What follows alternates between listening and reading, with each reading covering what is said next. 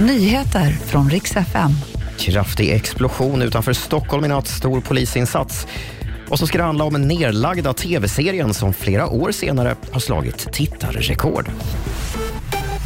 God morgon. Vi ska börja med den kraftiga smäll som väckte många stockholmare vid tvåtiden i natt. Det hela var en explosion vid ett lägenhetshus i Sundbyberg som hördes över stora delar av stan. Och bilder från platsen visar stor förödelse på fasaden. Fönster har tryckts in och både balkonger och parkerade bilar har fått skador. Exakt vad det är som har detonerat kan polisen inte svara på än, men ingen person ska ha påträffats skadad och ingen har heller gripits. I Ungern har parlamentet nu satt upp Sveriges NATO-ansökan för behandling på måndag. Ungern är ju sist kvar nu med att godkänna Sverige som medlemmar. Och efter helgen ska frågan alltså behandlas på ett extra sammanträde. Men någon omröstning kan vi inte räkna med. Frågan har nämligen lyfts av oppositionen i Ungern och det är långt ifrån säkert att regeringspartiet Fidesz ens dyker upp. Det kan bli så att vi istället får vänta till slutet av februari.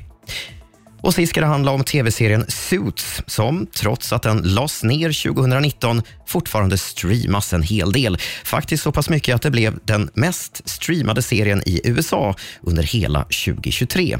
Den har dessutom slagit rekord som den serie som det har tittats på i flest minuter under ett och samma år någonsin.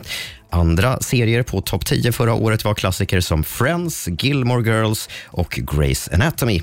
Det här rapporterar Moviesign. Och det var de senaste nyheterna. Jag heter Robin Kalmegård.